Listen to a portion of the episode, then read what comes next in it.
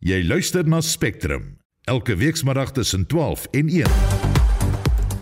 In vermiddag se program die Caledonian Soccer Stadion in Pretoria se multimiljoen rand se opgraderingsprojek sloer, die gemeenskap en politieke partye soek antwoorde. Ons vind uit hoe die Vrystaatse dorp Clarence dit regkry om beerdkrag vry te spring. Meer as 160 gerehabiliteerde aasvoëls kry 'n nuwe tuiste by die Ishamwari Reservaat in die Oos-Kaap en Swede is nog 'n stap nader aan NAVO lidmaatskap. Welkom by Spectrum, die span en ateljee redakteur Jomari Verhoef, produksieregisseur Daitrin Godfrey en ek is Susan Paxton.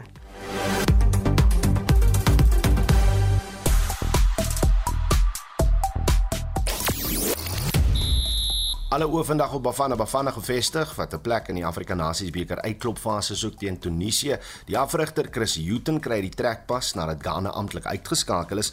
'n Speler wat moes kwalifiseer bereik vir die eerste keer sedert 1978 die halfeindstryd van die Aussie Ope en 'n Aussie afrigter en speler word deur COVID plat getrek op die voorhand van die tweede krieketoets teen die Windies. Net na 12:30 vertel ek jou hoe die wêreld begin aanbeweeg het van COVID, want die speler kan nog môre in die toets in aksie wees ondanks die exista. Klink soos interessante sportnuus, maar 'n maatskappy in die Wes-Kaap het 'n ooreenkoms onderteken om 540 ton hoenderpote jaarliks na China uit te voer. Bier en hoenderpote is glo gewilde snoepkos kombinasie in China. Dit het ons nou laat wonder, is daar 'n besonderse fynkos waarvan jy hou? Iets waarvoor jy enigiets op aarde sal betaal om te eet. Dis nou net nie sjokolade nie, enigiets anders. En is daar dalk kos waaroor jy mal is, maar waarvoor die res van die familie hulle neuse optrek? Laat weet ons stuur 'n SMS na 45889 teen R1.50 per boodskap of stuur 'n WhatsApp stemnota na 076 5366961. Dis 076 5366961. Spectrum, jou middagnuusprogram op RSG. 6 minute oor 12 die gemeenskap van uh, Trennespark in Verlim noord van Durban het die strate ingevaar en eis dat watertoevoer herstel moet word. Sommige inwoners beweer hulle het meer as 3 maande lank water in hulle krane gehad. Mitsie van der Merwe berig die woordvoerder van die Verulam Waterkrisiskomitee, Rosanne Lerutan, sê 2000 huishoudings is sonder water. Hy sê watertanks het aan hulle water voorsien, maar dit is sedert die afgelope naweek stopgesit. Has been without running water in their taps for 96 consecutive days. Now, that is a dire situation. It has reached a humanitarian crisis where children are getting sick, the elderly are falling and getting injured trying to get water. It is unreal, it's unbearable. And we need urgent, urgent intervention from government, from whichever source of government. We have failed with the municipality. Now we've called upon the national government to intervene in this crisis. Die gemeenskap sê hulle sal voortgaan met hulle betoging totdat die watertoevoer herstel word. We've got uh, roads that are half hills, and then we, there's no place for tankers to park. People have to actually walk sometimes 15 meters to the entrance of their roads just to get water. If we do get tankers, they're coming at 11, 12 o'clock in the night. Uh, this is a very high crime ridden area, and we cannot, you know, think of our safety or whether we want water first. I'm not getting any answers regarding the water. Because if you look at it, who will wake up 12 o'clock, 1 o'clock in the night to go full water when there's the crime is so high, yeah? We're going to get poked, we're going to get mugged, we must wake up and go full. Die raadslid verwyk 59 Nkosi Yeswe Mhlongo het die gebied besoek en beloof dat inwoners binnekort water in hulle krane sal hê. Hy sê verouderde waterinfrastruktuur is die rede vir die waterkrisis. I would like to ensure the community that they will be having running water in their taps by the end of business today. Our problem as the eThekwini municipality is the aging infrastructure. That's why we have such challenges. We know that the community has had bleak holidays as they didn't have water on Christmas Day. Our team is on the ground. They are working towards restoring water. Inwoners van Verulam het die waterprobleme by die Suid-Afrikaanse Menseregte Kommissie aangemeld. Van Nelem Songu het hierdie verslag saamgestel. Mitsi van der Merwe, SAK-nuus. Vanoggend het die brand by Kluitjieskraal naby Woolsley in die Wes-Kaap nog gewoed. Brandbestryders van die Kaapse Wynland Distriksmunisipaliteit werk sedert Maandag om die brand onder beheer te bring. En vir die jongste praat ons nou met Joanne Otto, die woordvoerder van die Kaapse Wynland Distriksmunisipaliteit. Goeiemôre Joanne. Hallo Susan en hallo luisteraars. Is die brand steeds buite beheer? So goed, so die brand aan die kluitjieskaal kraal gedeelte waar die oop vlakte en die velde is is is ingekamp. Um maar die weer, die wind en die warm weer is baie gunstig vir opvlamming. So die spanne monitor maar versigtig en fyn terwyl hulle daarso opruimingstake voltooi. Dit sal definitief um nog deernag moet aangaan. Maar op die oomblik is die brand op die Silverfontein plaas in die uh, Gouda Saron omgewing um steeds buite beheer en daar is tans dis waar ons fokus op die oomblik is en daar staan ligbronne daar van die departement van bosbou, visserry en omgewing en die provinsiale rampbestuur en baie spanne Cape Nature, ons volunteer fire services en die um Witzenberg munisipaliteit as ook ons eie 12 voertuie en bemanning vanaf NCC. Ons het ook ons twee UWI's daarso, so vyf helikopters en baie baie mense um wat probeer verhoed dat daai brand um na die suide toe beweeg. Wat is vandag se weerstoestande? Dis warm. dit is warm en dit is winderig en dit is onplesierig en ons bemanning het baie rooi oë en hulle is moeg en um en hulle doen maar hulle beste maar dit is stowwerig en winderig en baie warm. So dit is nie um dis nie maklik om brandbestrydingswerk te doen nie. Ek dink as die waterstorting gebeur is dit 'n lafenis vir hulle. maar um dit is baie warm om in hierdie weer um brandbestrydingswerk te doen. En dis 'n baie ongelyke terrein ook. So dis fisies um moeilike terrein om ook in te werk. Weet jy al waar hierdie brand ontstaan het? Weet jy dis warm weer dit is somer dis ons brandseisoen en ehm um, die Kaapse Wynland on, of of ons kan nooit sê hoe ons die brand ontstaan het tensy ons instruksie gegee is om dit na te vors nie of om om te om te kyk waar dit gebeur het nie want ons het dit nie gesien ons het nie gesien wie dit gebeur wie dit ehm um, aan die brand gesteek het nie of hoe dit ontstaan het nie. Maar hierdie tyd van die jaar is dit um dit kan is dit 'n klein vonkie wat um wat 'n brand kan veroorsaak en dit kan selfs die wilde diere wees wat soos hulle um goggatjies en goedjies onder rotse en so aan soek in die in die klippe rondkak kan dit ook 'n vonkie veroorsaak. So um hang afhangende van ware brand is op hierdie stadium um bespiegel ons maar eintlik oor die ontstaan op hierdie stadium. Hmm. In watter rigting beweeg dit nou? Dit beweeg na die suidekant toe, so van die Silverblaarfontein area af en dit is jy en dit is in die rigting van Elandsfontein, ehm um, waar, waar daar heelwat wild is, so ons probeer alle al ons fokus is nou daarop gefestig um, om dit te verhoed. En is daar 'n kans dat brandbestryders die brand vandag onder beheer kan bring? Wel ons ons hoop definitief so. Ons het nou alle um, hulpbronne op die toneel. Ehm um, en ons hoop definitief om dit darm as ons dit nie onder beheer te kan kry nie dit darm um, in 'n ander rig om terug te stoot na 'n area wat klaar gebrand het sodat ons dat dit homself kan uitbrand. Maar ons wil nie nou ons is um, ons is versigtig optimisties dat ons dalk um, 'n um, bietjie kan wen teen vanaand Baie sterkte vir julle Joanne, veral omdat dit so warm is en dit was Joanne Otto die woordvoerder van die Kaapse Wynland Distriksmunisipaliteit.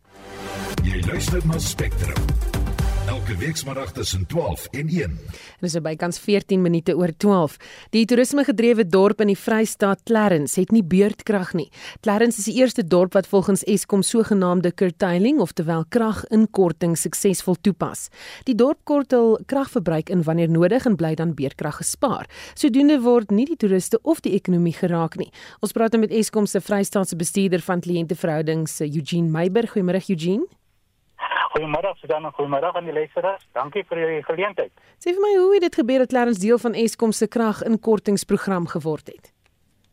Ek dink dit was ook maar heel toevallig. Uh Clarence het 'n bestuur uh, wat ons gekontak het in die Vrystaat en gevra of ons kan kyk na so 'n uh, projek.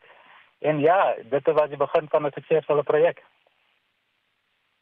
Sê dit wanneer pas die dorp dan kraginkortings toe? Susan die die die die hele die hele proses het uh, redelik vroeg begin uh, middel verlede jaar, maar in November verlede jaar is die eerste die die die eerste keer toegepas en suksesvol toegepas. Maar hoe weet inwoners wanneer moet hulle hulle kragverbruik inperk? Dit is die interessante gedeelte van die projek. Uh, dat uh, ons kommunikeer met die bestuur wat hulle het daar in uh, Clarence. Hulle laat weet aan hulle mense op hulle groepe, WhatsApp groepe en dan uh, ver, uh, verminder die mense die die krag ook bygesê hulle is ook tans besig om 'n app te ontwikkel wat hulle dan die mense inform of hulle hulle klante inform uh, of 'n 'n kennis stel om hulle krag te verminder. As ons sê die mense verminder dan hulle kragverbruik, skakel hulle toestelle af, hoe maak hulle? Ja, ek sien afhangende van watter tyd van die dag hulle skakel toestelle af, uh, baie verminder uh, van die krag en dan is daar ook uh, gedeeltes waar daar nie krag gebruik word deur die dag nie, so dat help dan ook uh, uh, tot die die die vermindering van die las. So hoekom is Clarence so suksesvol met hierdie program? Ek dink dit is uh, dit was 'n uh, 'n kombinasie van uh, Clarence en ook die die woonbuur daar by uh, uh Hubertswana. En uh jy weet ons het een keer 'n meeting gehad met hulle uh, en en Clarence en toe is dit load sharing en toe val ek verkoop ons idee. Maar almal staan saam in daai uh, area en almal werk saam om die krag te verminder en sover het ons net goeie resultate gekry. En so dit is so eenvoudig vir Eskom so sit 'n knoppie aan en af in 'n dorp het beerdkrag of nie. Ja, dit wat dit is wat beerdkrag uh, aan betref uh, ons het blokke wat ons noem so as ons 'n blok afsit in Bloemfontein sit ons 'n hele area af of sekere voerders af en dan sit hulle weer aan daarvan af. So dit is baie uh, uh, automa uh, automated. Baie dankie dit was Eugene Meiburg Eskom se Vrystaatse bestuurder van kliënteverhoudings. Ons het vroeër in monitor berig oor meer as 150 aasvoëls, meestal kraanaasvoëls, wat van Hartbeespoort in Noordwes na die Shamwari private wildreservaat 75 km van Kebega in die Oos-Kaap verskuif is. Nou vir hoe dit gaan met die projek, praat ons nou met die veearts en hoof van natuurlewe by Shamwari, Dr. Johan Jubber. Goeiemôre Johan. Goeiemôre. Vertel net vir ons weer wat was die doel van hierdie verskywing? Die belangrikste rede hoekom ons die voëls uh, geskuif het is um uh, ek dink wat is wat ons eers is miskien moet verstaan is dat uh, hierdie is alles voëls wat nie vrygelaat kan word in die natuur nie. So hulle het geen kans dat hulle sou oorleef nie. Dit is voëls wat of 'n blinde oog het of voëls wat miskien 'n vlerkbesering of so het. Maar wat wel gebeur is dat hulle baie effektief broei in gevangenskap.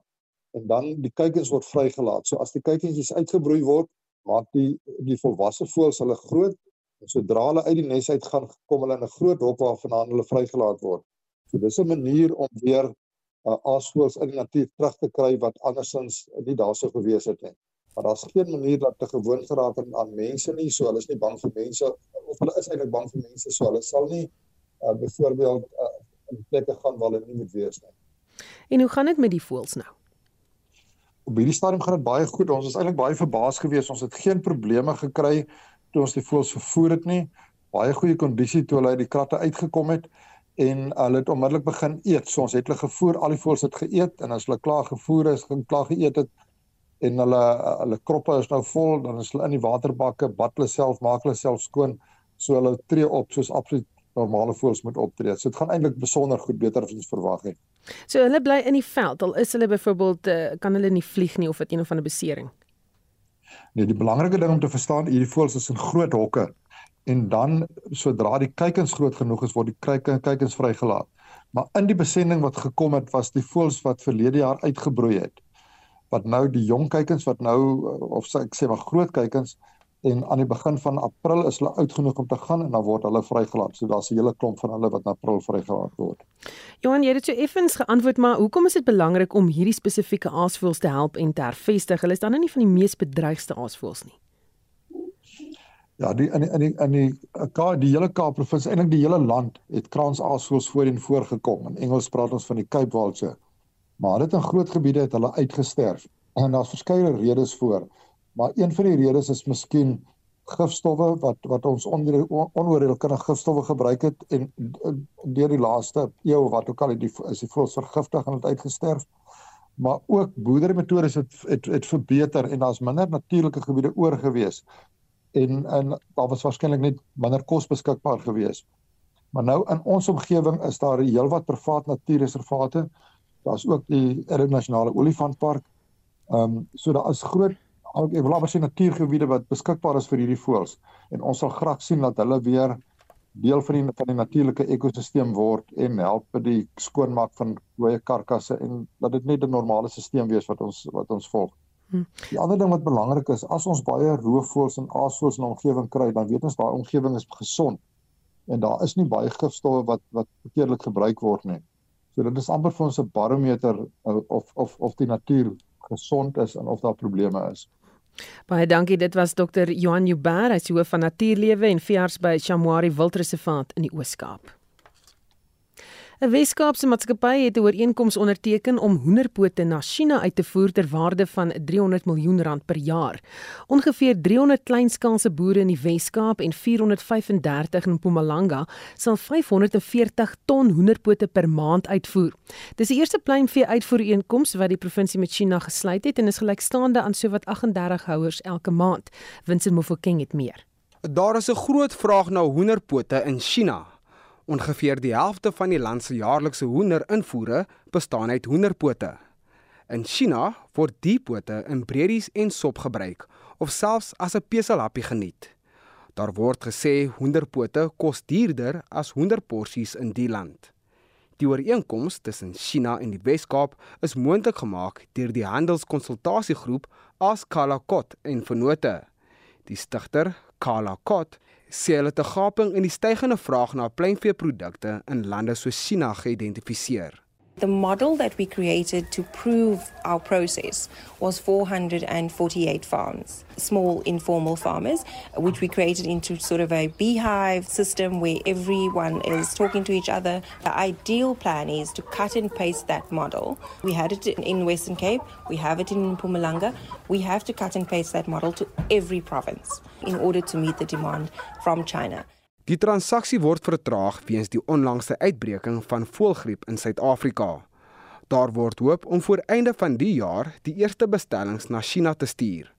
Die 33-jarige kleinskaalse pluimveeboer, Kaya Buruana van Umfuleni net buite Kaapstad, is gereed om aan China se streng gesondheids- en veiligheidsvereistes te voldoen. Feet are bigger and it's more healthier and more organic. So that's why they are interested in our supply. So they are very much bigger and they are, I'm sure they are looking forward to, to getting our supply. Die ooreenkoms het die potensiaal om meer as 3000 werksgeleenthede te skep. Die provinsiale minister van ekonomiese ontwikkeling, Marie Winger, sê hulle is in die proses om al die regulatoriese struikelblokke aan te spreek. What we'd like to do is to triple the number of exports from the Western Cape to the world by 2035, which has the potential to create an additional 360,000 jobs. Handelskenners sê die Europese Unie, die Verenigde Arabiese Emirate, Saudi-Arabië en die Afrika-kontinentale vryhandelsgebied is besig om as belomende markte vir hoenderpote na vore te kom. Die verslag is saamgestel deur Thandi Swamau in Kaapstad. Ek is Vincent Mufokeng vir SAI Garnis. Ouers van leerdlinge met spesiale behoeftes by die Wolwenkop skool in Verena Mpumalanga sê hulle gaan nie hulle kinders skool toe stuur voordat die provinsiale departement van onderwys hulle kinders se veiligheid kan waarborg nie. Twee sake van verkrachting is onlangs by die KwaMaslangu polisiestasie aangemeld en ouers vrees dat 'n reeks verkragter kinders by die skool teiken. Jamie Verhoef doen verslag. Die Wolvenkop skool se beheerliggaam is bekommerd oor die skool se toestand. Daar is nie genoeg ligte nie, badkamers lek en die koshuis word nie in stand gehou nie. 'n Lid van die beheerliggaam, Diamond Ntuli, sê die skoolhoof moet bedank omdat hy homself nie daartoe verbind om oplossings te vind nie. Looking at the reports, we are actually enough of the principal. The department should not redeploy them to another school. The principal should just go for an early retirement. Ouers van die slagoffers is emosioneel verpletter en wil hê geregtigheid moet geskied. Die gemeenskap vermoed dat die oortreder toegang tot die skool het omdat daar geen tekens van 'n inbraak is nie. I want justice for my child. According to the doctor, this was not the first incident. I will also like for the school to close off. The doctor detected that whoever raped my child is an old person. Moreover, the child was also infected. I am hurt by the principal's reaction. It literally proves that their principal knows something. I am pleading for justice for my daughter. What's worse is that it becomes hard for my child to reach the bathroom before she messes on herself ever since she was raped. Die departement van onderwys in Mpumalanga se woordvoerder, Gerald Sambo, vra dat die gemeenskap help met die ondersoek. We call upon the parents or anyone who might have any additional case to report it to the department and also the South African Police Services so that the necessary investigations are conducted. When it comes to the issue of infrastructure at the school, the department has made a commitment that it will work together with the school governing bodies to ensure that the necessary renovations are conducted at the school but to also improve around issues of security at the school. Die polisie in Mpumalanga was nie vir kommentaar beskikbaar nie. Die verslag van Sepiwe Mabena in Mpumalanga, ek is Jean Marie Verhoef vir SAK nuus. Die EFF in Tshwane dreig om die Tshwane Metro hof toe te sleep om verantwoording te doen vir die 67 miljoen rand opgraderingsprojek aan die Caledonian Sokkerstadion in Pretoria. Die voormalige burgemeester van eh, Tshwane, Randall Williams, het in 2021 'n konstruksieprojek ter waarde van miljoene rand begin om die stadion op te gradeer. Die stadion was sedert 1903 die tuiste van die legendariese Acadia Shepherd sokkerspan, het die Klerk berig. Talle topspelers se grondslag is by die stadion gelê en verskeie het later vir Bafana Bafana uitgedraf. Die opgraderingsprojek was veronderstel om die jaar afgehandel te wees, maar geen konstruksiewerk het al begin nie, behalwe dat die fasiliteit afgebreek is. Die metro se adjunk burgemeester, Nasipi Moya, sê die projek is op die ys geplaas weens die kontrakteur se swak diens. From what I'm getting, the contractor has now been terminated due to poor performance. And so far, the money that overall that has been spent on the project is 59 million and odd, which I still need to, to ensure that those are the hmm. correct figures. What I know, and in terms of the report that I have, is that the, the legal process was followed in order to hold the contractor accountable. Currently, there is a budget that is allocated to look at, at this project, and the budget that we have it is a grant. From my side, there's a political will to make sure that this stadium is restored. I think the timelines would be a couple of months. Die voorsitter van die EFF in Tshwane, Obakeng Ramabodu, sê die stad moet verantwoordelik gehou word.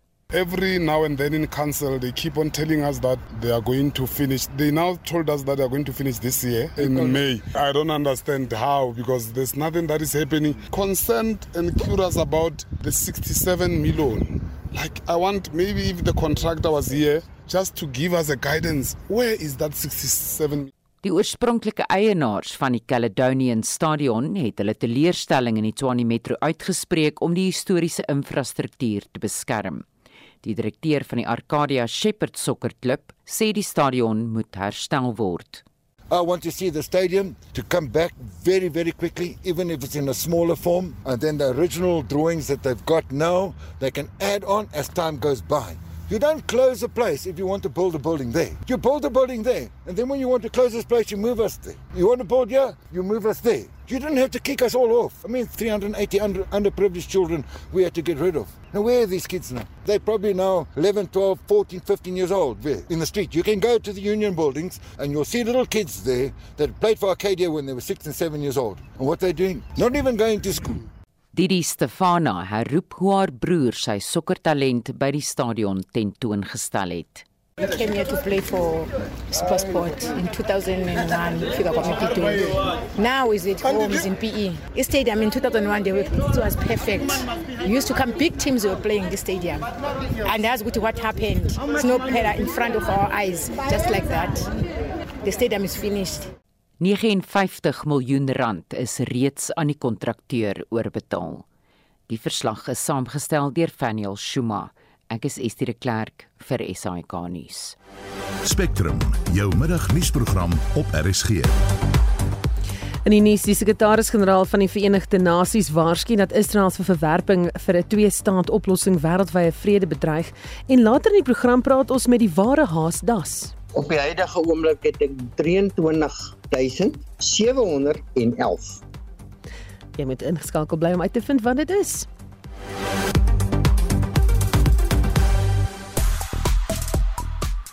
Ons vir jou gevra wat 'n interessante disse hou jy van 'n aanleiding van ons storie oor die hoenderpote en hier's 'n luisteraar wat sê dat die uh, lekkerste gereg is tradisionele gereg van Nepal is dalbat sê Martie Brits.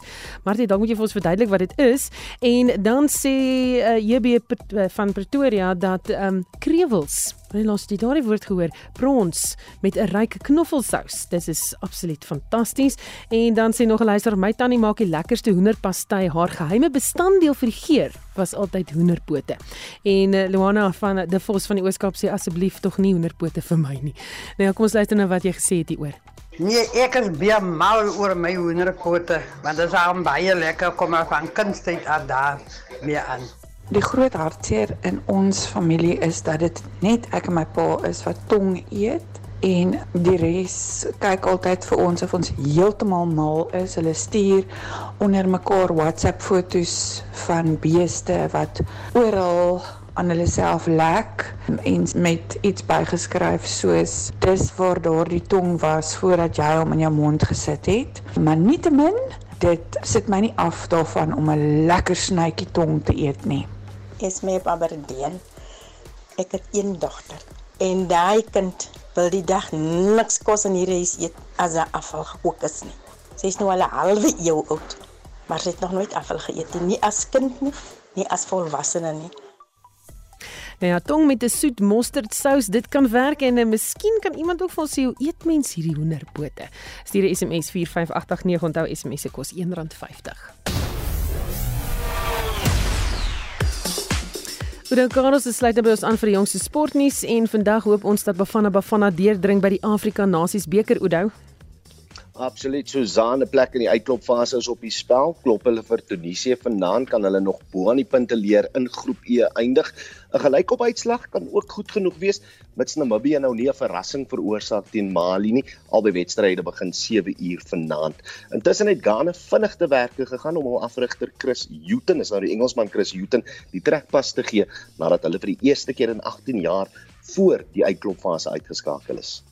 Daar was vanoggend 'n rare verskynsel by die Australiese tennis oop, vertel bietjie.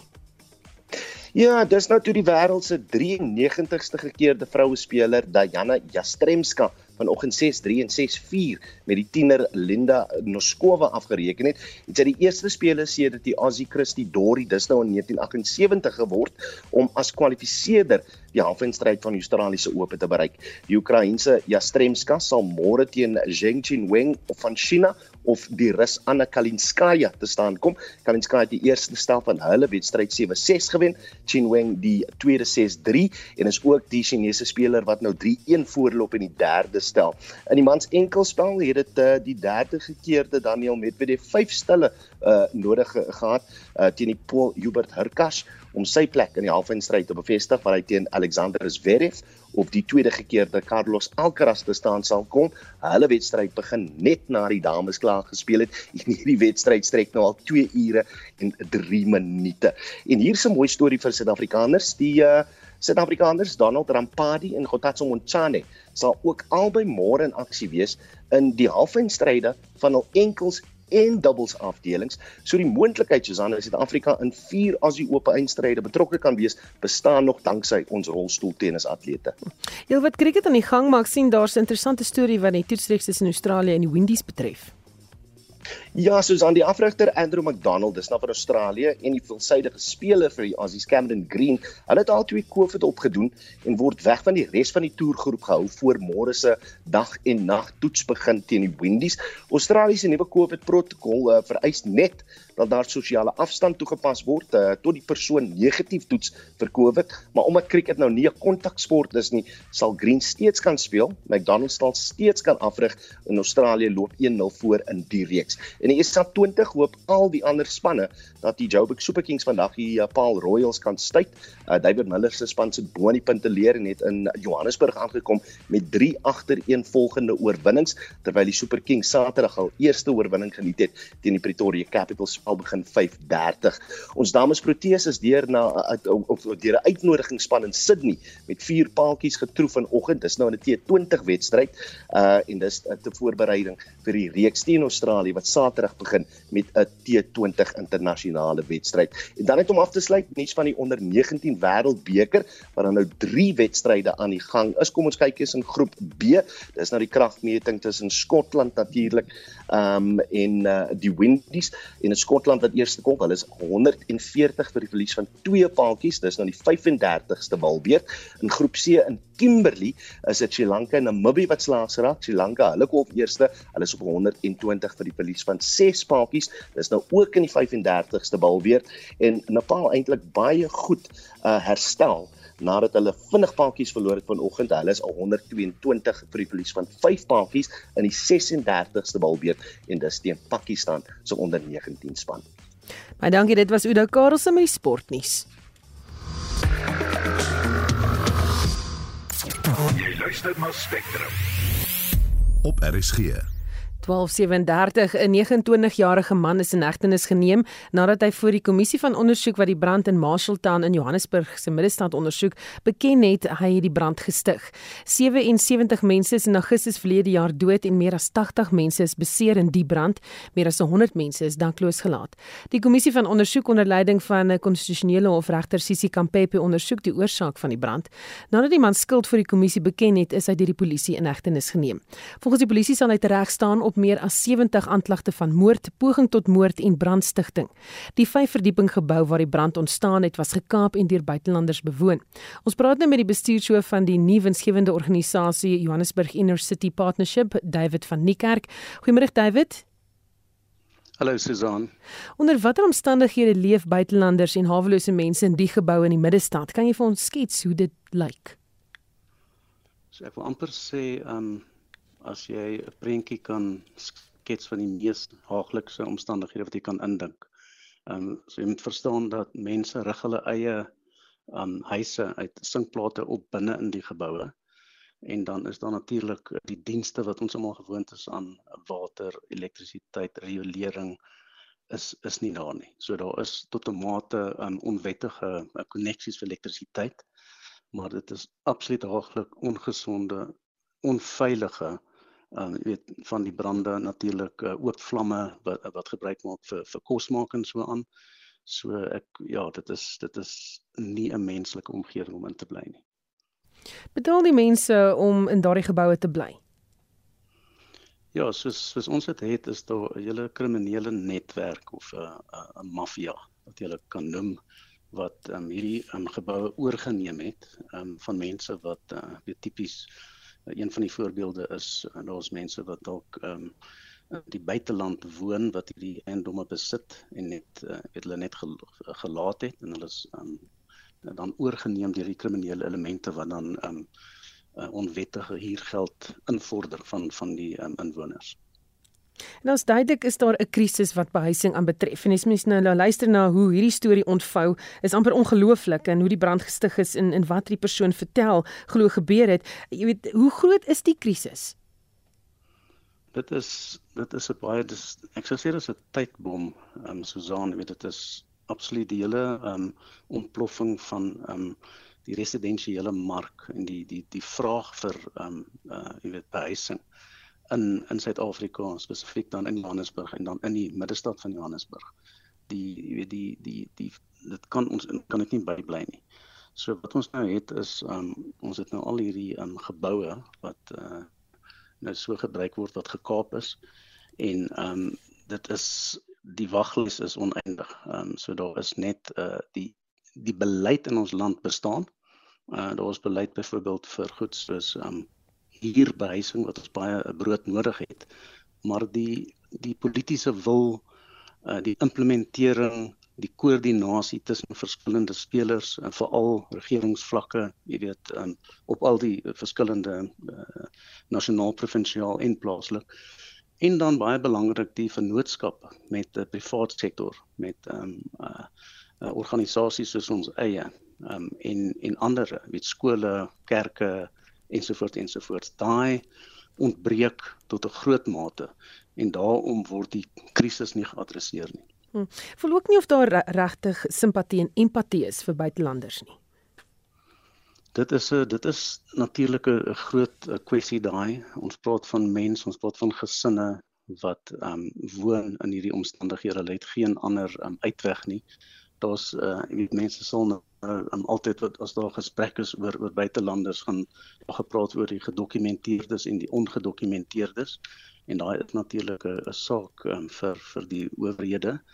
Um, ek dink een van die goed wat wat die belangrikste is rondom hierdie menslike uh kwessie is natuurlik wat um, altyd wat uh, vorendag kom is daar's wetgewing wat bepaal dat um, as mens byvoorbeeld 'n gebou wil um opgradeer. So jy gaan eerstens die mense um daar moet uitkry en dan gaan daar 'n projek plaasvind. As daar natuurlik nou um befondsing is daarvoor ensovoort ensovoorts.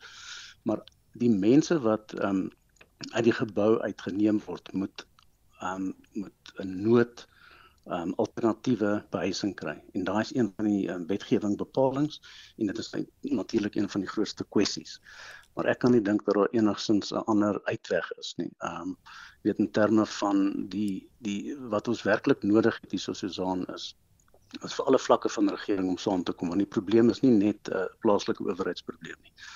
Dit is is 'n uh, um, die die kriminele element. Ons weet dit word deur nasionaal en provinsiaal weet hierdie die polisie en die regstelsel hanteer.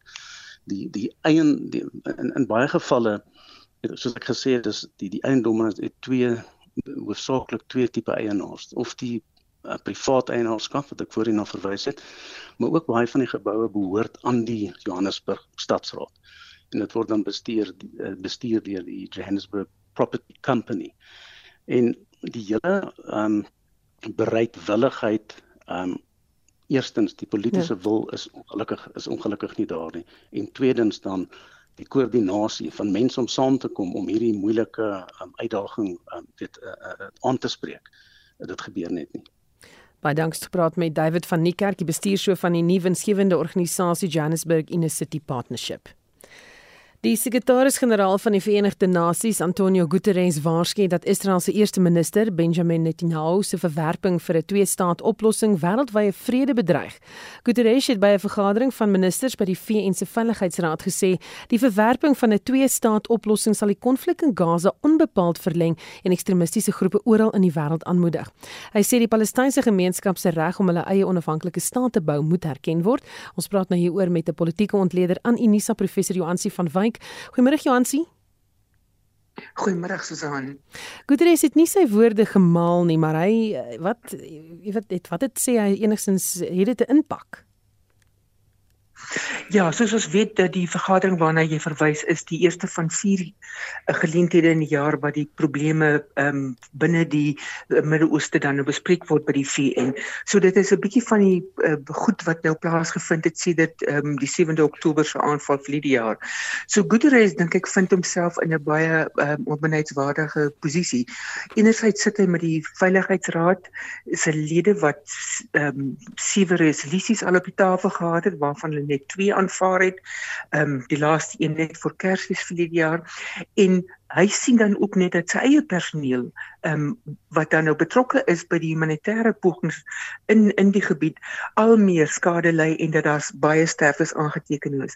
En dan ook die feit dat hy besef dat ehm um, hy wil hierdie ehm um, beraad in September hou wat dit basies neerkom op 'n vernuwende wêreldorde, 'n vernuwende ehm um, veilig eh uh, uh, uh, uh, VN en hy moet dan nou soort van sy claim afsteek.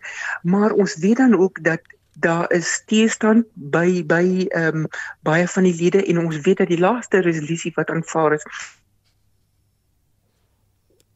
Johansie Nee, lyk vir my as die probleme daar die lyn. Ek weet nie of ons gaan kyk of ons haar weer in die hande kan kry en terwyl Jammery dit doen, klop mense wat reageer op die hoenderpote. Nolien wat vra ek wonder maar net daardie mense wat tong so afskiet of hulle hoendereiers eet en dan lag sy.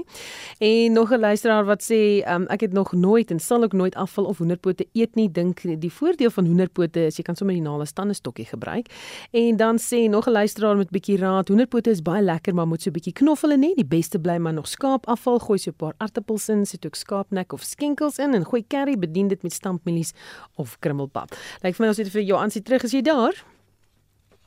Ja, baie dankie. Jammer vir die onderbreking. Eh, net en jou het van die begin af gesê hy is totaal gekant teen 'n twee-staat oplossing. Dit blyk nie of hy gaan besgee oor hierdie standpunt nie. Wat beteken dit vir konflik in Gaza? Goed, ons weet dan dat dit gaan beteken dat hierdie konflik baie lank gaan duur en ek dink dat daar ook dan gedink sal word met aan alternatiewe oplossings. Ehm um, daar is byvoorbeeld die idee van die een staat. Daar is die idee van dat ehm um, Israel sal afstand doen van die gebiede waar dit in die 1967 tydens die 6-daagse oorlog ehm um, beset ehm um, dat hulle dit dan basies um, terug hier dit sluit dan Gaza ehm um, die westelike oewer van die Jordaan et cetera in. Maar uh, mens moet ook onthou dat ehm um, Netanyahu veg 'n politieke geveg binne sy eie kabinet. Hy het sy hakke ingekap en ons weet dat hierdie ehm um, storie gaan nog baie lank tyd aanhou. Ehm um, die internasionale gemeenskap en selfs binne die VN resolusies wat Lydia wel aanvaar is, sien ons dat die twee staat oplossing weer eens ondersteun word, maar die vraag is wat is die grondgebied wat hierdie twee uh, wat hierdie oplossing dan voorhou. Um, ons weet dat die Oslo verdrag van 19 um, 93 het soort van hoop gegee, maar ek dink die gebeure dan nou van laas jaar en Hamas um, se se um, geweld was dan die laaste strooi wat dan net in jou en um, en sy regering um, net meer hardkoppig maak. Baie dankie het gepraat met 'n politieke ontleder aan Unisa professor Johansi van Wyk. Nou ons het gister gevra wat versamel jy graag? 'n Luisteraar het toe laat weet dat sy swaar dasse versamel. Spectrum het Johan Nortier van Port Alfred opgespoor en so bietjie met hom gepraat oor sy meer as 23000 dasse. Op die huidige oomblik het ek 23711. Dit is baie dasse. Wat is die das wat jy nou mees onlangste gekry het? Letterlik vanoggend het 'n vrou vir my 'n pakkie afgegee. Daar was verskeidenheid in. Daar's rugby dasse, daar's 'n comic das, ehm um, daar's verskillende met die kategorieë, maar een das wat ek ook sal uitsonder wat ek nie baie lank terug gekry het nie, inteendeel in laasweek was 'n 95 wêreldbeker das van Kings Park Stadium in Durban wat natuurlik baie waardevol is en skaars is van van die dasversamelaars wat ek ken net nie een om nie. So ek was baie baie baie bly vir hom. Kom versamel jy dasse? Kom ek gaan vir jou so sê, toe ek begin werk het in die ou Barclays Bank jare terug, toe het elke streek 'n das gehad met die hulle het mos so arend gehad met die drie krone op as 'n wapen. Maar elke streek het een gehad, soos byvoorbeeld die Oos-Kaap het 'n olifantjie opgehad saam met die arend en die Wes-Transvaal het byvoorbeeld 'n mielie gehad. Vrystaat het byvoorbeeld kersies gehad en die Daisy van Noord-Transvaal en so het elke streek gehad en mense het maar begin uitruil. Ag, toe het ek nou so klompie gehad en soos byvoorbeeld Namibië het 'n gemsbok gehad en so het jy nou maar uitgeruil en alles. En toe word Eerste Nasionale Bank. En toe het hulle begin met daai boontjie op. Weer eens die boontjie met die olifant OP met die WP moet sy Disa en Suidwes moet sy Gemsbok talle die twee ek dink is bontebokkies op. Botswana interessant het 'n zebra op. Jou ou Transkei het die hytjie opgehad maar dan het hulle ook gehad byvoorbeeld die afdelings. Jy weet die huisafdeling het stedeltjies gehad. Die mense wat die finansiering gedoen het, het wielietjies opgehad. Ehm um, ek weet die landbou het byvoorbeeld 'n beeskop opgehad en jy het begin ruil. En toe ek nou my kom kry toe sit ek met so 2 300 verskillende dasse. Toe ek vroeër met jou gesels het, het jy gepraat oor das pornografie.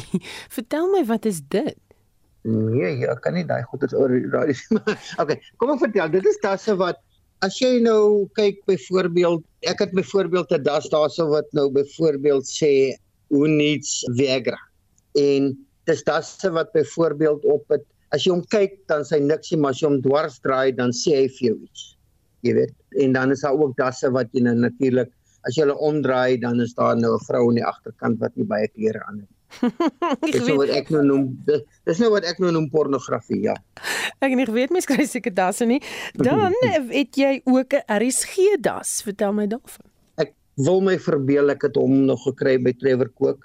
Ek het 'n RSG das. Ek het intedeel van daai dasse van verskillende radiostasies en TV-stasies het ek 69 verskillendes. Wat is jou gunsteling das in jou versameling? Daar's so 10, 15 wat ek nooit sal van ontslaa raak. As ek sê nooit nie, dan sal ek nie. Ek het byvoorbeeld 'n das wat Madiba geteken het. Ek was al vir hom R10000 geoffer en ek het gesê nee dis altyd van hoe jy dit kry. Ek gaan jou nou sê een van die dasse wat ek gekry het was ek was in Mauritius gewees en ons het daar deur getoer en toe gaan sit en eet ons daar by 'n baie bekende hoenderplek en ek sê vir die ou ek wil die das hê wat om sy nek is. Hy sê hy kan nie dis steen vir sy uniforms. En ek sê vir hom ek maak dit bymekaar ek sal vir hom met enige das gaan koop in die winkelsentrums wat hy wil hê vir die das. En ag nou 'n lang storie kort te maak, toe ek so die 4de keer na hom gaan toe haal hy hom af en dis 'n KFC das wat ek in Mauritius gekry het. Nou dit gaan nie oor altyd van die mooiheid nie, dit gaan oor hoe jy hom kry. Dit is 'n baie gunsteling das wat ek het. En soos ek sê, hierdie das wat ek nou gekry het van Kings Park is vir my net so belangrik. Dit is vir my 'n baie mooi das of 'n baie waardevolle das. Ek dink ek het byvoorbeeld 'n das gekry. Ek meen net nou jy dasse versamelings gekry van byvoorbeeld Trevor Cook het sy versameling vir my gegee oud minister Adrian Vlok het sy versameling dasse vir my gegee. Jy weet daai is baie waardevol. Robin Jackman, daai kommentator, ek het sy sy versameling dasse gekry. Jy weet wat baie belangrik is. My eerste das wat ek mee begin het. Dis nie 'n mooi das nie, maar dit is nee, dit is vir my belangrik. Jim, Jim. I wore a tie today, the first one that I ever wore. Ja, klanke daar van Johnny Cash met Jim I wore a tie today en hy sluit die storie af van uh, Johan Nortier, dasversamelaar van Port Alfred. Jy luister na Spectrum op RSG. 6 minute voor 1 en soos jy vroeër in die nuus gehoor het, het die verbruikersprysinflasie gedaal van 5,5% in November tot 5,1% in Desember en uh, Statistiek Suid-Afrika het vroeër die syfers bekend gemaak. Ons praat nou met 'n ekonom van FNB, Dawie Maree. Goeiemôre Dawie. Goeiemôre Susan. So wat het tot die daling gelei? Susan, ek dink uh, eerstens kan ons dankbaar wees dat voedselinflasie het hierdie keer daarom ook bygedra tot daardie daling in die in die algemene inflasie indeks. Uh, voedselinflasie het afgekom na 8.5% toe in Desember waar dit in November nog 9% was. En dan ook het het die die vervoerkoste of die transportkoste komponent van van inflasie het ook afgeneem uh, ook danksy laer brandstofpryse in in Desember. So ek dink dit is die twee faktore wat die meeste bygedra het tot die daling toe. Is daar ander sektore wat vir jou uitgestaan het? Dan nee, nie regtig op hierdie stadium nie. Ek dink die die voedselkomponent was maar die grootste gewees. Ek dink as ons binne in die voedselmandjie kyk, ehm um, dan sien ons dat weet oor oor 'n breë spektrum het het die pryse afgekom. Uh die pryse van van brood en graanprodukte het stadiger gestyg uh, dieselfde met groente en olie en vette. Maar daar was ongelukkig ook verdere stygings gewees in in byvoorbeeld vleis, uh, melk en eiers en en dit is maar hoofsaaklik die eierkomponent daarvan. En aan die vleiskant was dit die hoender gedeelte en en dit is alles danksy die of te danke aan die die uitbraak van ehm um, van voëlgriep wat ons ervaar het. En dan vrugte het ook sekere van die vrugte soorte uh, seisonale vrugte het daling getoon maar van ongeluk van ons groentesoorte het het natuurlik weer 'n bietjie opwaarts beweeg. Um van die ander uh, van die ander sektore, die die dienste sektor al daardie is is relatief konstant gewees oor hierdie tydperk. Dan wie hoe gaan dit die rentekoerse beïnvloed dink jy? Dan ek dink ehm um, die meeste mense verwag dat ons uh ons die die besluitwoorde wat môre bekend ge, uh, gemaak sal word is dat ons op 'n op 'n hou fase is. Uh, daar gaan is 'n baie skraal kans, maar dit is seker minder as 5% kans dat daar 'n stygings kan kom en dit dit is heel onwaarskynlik. Ehm um, dit is ook heel onwaarskynlik dat hulle op hierdie vroeë stadium rentekoerse sal sny. Die verwagting is dat ons eers hier na na die tweede helfte van die jaar sal uh, sal kyk na na dalings in die rentekoers. Hmm. En dit is alles maar te danke aan onsekerhede in die wisselkoers uh in die internasionale markte. Weet die die geopolitiese omgewing is is baie onstabiel op die stadium en ek dink dit het 'n impak of dit sal 'n impak hê op die besluit. Baie dankie, dit was 'n ekonom van FNB, Dawie Marie. Ek sien nog 'n luisteraar, oupa Piet sê hy is van Kalitsdorp, my gunsteling ete is skaapafval met soetpatats en uh, stampmielies, maar in die uh, jare 40 was hoenderpoot sop ook geëet omdat my pa met hoenders geboer het. Dit klink interessant. En dan sê nog 'n luisteraar, my skoonma Daisy Kutse en haar broerskind Amanda het vroeër uh, jare gereeld hoenderpote gaar gemaak en baie geniet en nog iemand wat sê hoenderafval net so lekker so skaapafval. Nekkies, hartjies, magies en pote sê hierdie persoon. Baie interessante resepte wat hier gedeel word. Baie dankie daarvoor voor en nog net so laaste een. Hoenderpote staan ook bekend as runaways. Mooi nes vra hy die luisteraar is nogal so. Ons groet namens die uitvoerende regisseur Nicoline Lou vandag se redakteur Jamie Verhoef die produksieregisseur is Daitrin Godfrey. My naam is Susan Paxton. Geniet jou middag